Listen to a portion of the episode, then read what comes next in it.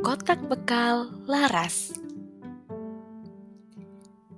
Setiap hari, Laras membawa bekal makanan buatan ibu ke sekolah. Masakan ibu enak sekali. Baunya juga harum dan sedap. Hmm. Di sekolah, Laras duduk bersebelahan dengan Bagas. Bagas adalah teman Laras yang jarang bermain saat istirahat tiba. Biasanya Bagas hanya duduk dan bermain Lego di kelas. Walaupun begitu, Lara selalu mengajak Bagas bermain dan bercerita. Pukul 11, saatnya jam makan siang di sekolah. Asyik, Laras buru-buru membuka kotak bekalnya. Wah, hari ini bekal Laras adalah gado-gado buatan ibu.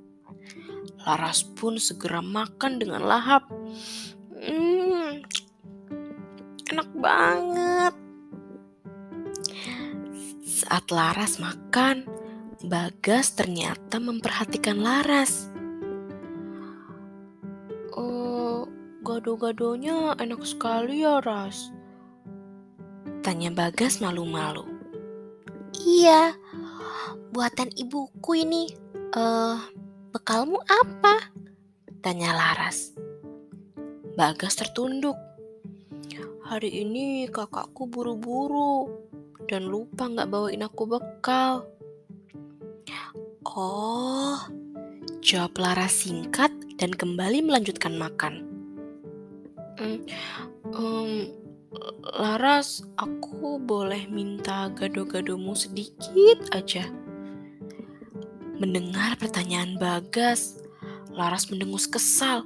Ih, enak aja. Nggak boleh. Aku lapar. Jawab Laras. Bagas pun kembali tertunduk sedih dan merasa sangat lapar. Laras kesal sekali ia kan juga sangat lapar. Eh, Bagas malah mengganggu dengan minta makanan.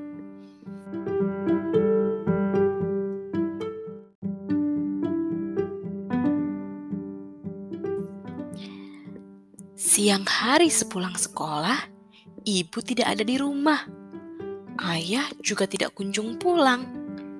Hanya ada Tante Mirna, adik ayah yang masih kuliah uh, ayah dan ibu ke mana tante? Tanya Laras. Laras mau punya adik bayi. Jawab Tante Mirna. Mendengarnya, Laras terbelalak. Hah? Adik Laras sudah lahir? Tante Mirna tersenyum sambil mengelus rambut Laras. Belum, ibu dan ayah sedang ke rumah sakit supaya adik Laras bisa lahir. Sekarang Laras di rumah dulu dengan tante ya. Jangan lupa berdoa supaya adik Laras lahir dengan sehat dan ibu baik-baik saja. Laras memeluk tante Mirna erat. Ia tidak sabar menunggu adiknya lahir dan pulang ke rumah. Pagi yang cerah pun tiba. Saatnya Laras bersiap ke sekolah. Sayangnya, Tante Mirna buru-buru mengantarkan Laras ke sekolah karena harus kuliah pagi-pagi sekali. Laras bahkan pakai sepatu di dalam mobil. Saat jam makan siang tiba, Laras membuka tasnya sambil menebak-nebak bekal apa yang Tante Mirna bawakan.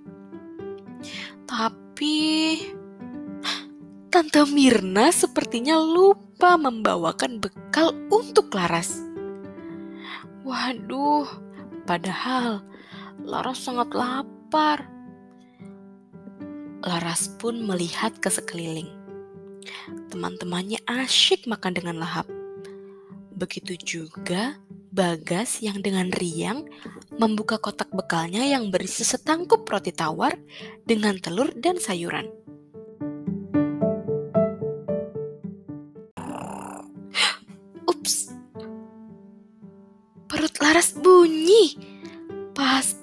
Sangat lapar. Laras, kamu lapar? Mana bekalmu? Tanya Bagas. Ternyata ia mendengar suara perut Laras.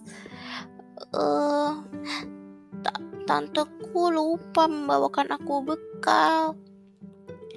Bagas mengangguk dan segera membagi rotinya menjadi dua.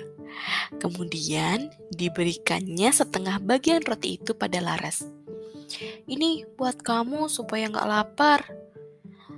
Laras terkejut. Uh, tapi kan itu makanan kamu. Bagas tersenyum. Tapi kamu lapar kan? Gak apa-apa, makan aja. Laras pun menerima roti dari Bagas sambil mengucapkan terima kasih. Maaf ya Bagas, kemarin aku pelit dan tidak mau berbagi makan denganmu. Sekarang kamu malah memberikan aku makanan. Terima kasih banyak ya. Iya, tidak apa-apa, kata Bagas ramah sambil kembali memakan rotinya. Laras senang sekali berteman dengan Bagas karena ia sangat baik. Laras juga menyesal telah bersikap pelit pada Bagas.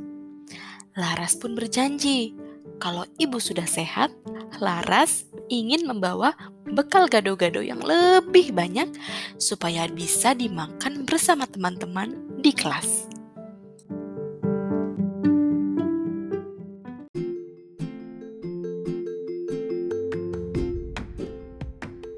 Sampai jumpa di episode-episode selanjutnya dan jangan lupa terus sebarkan dongeng-dongeng kebaikan.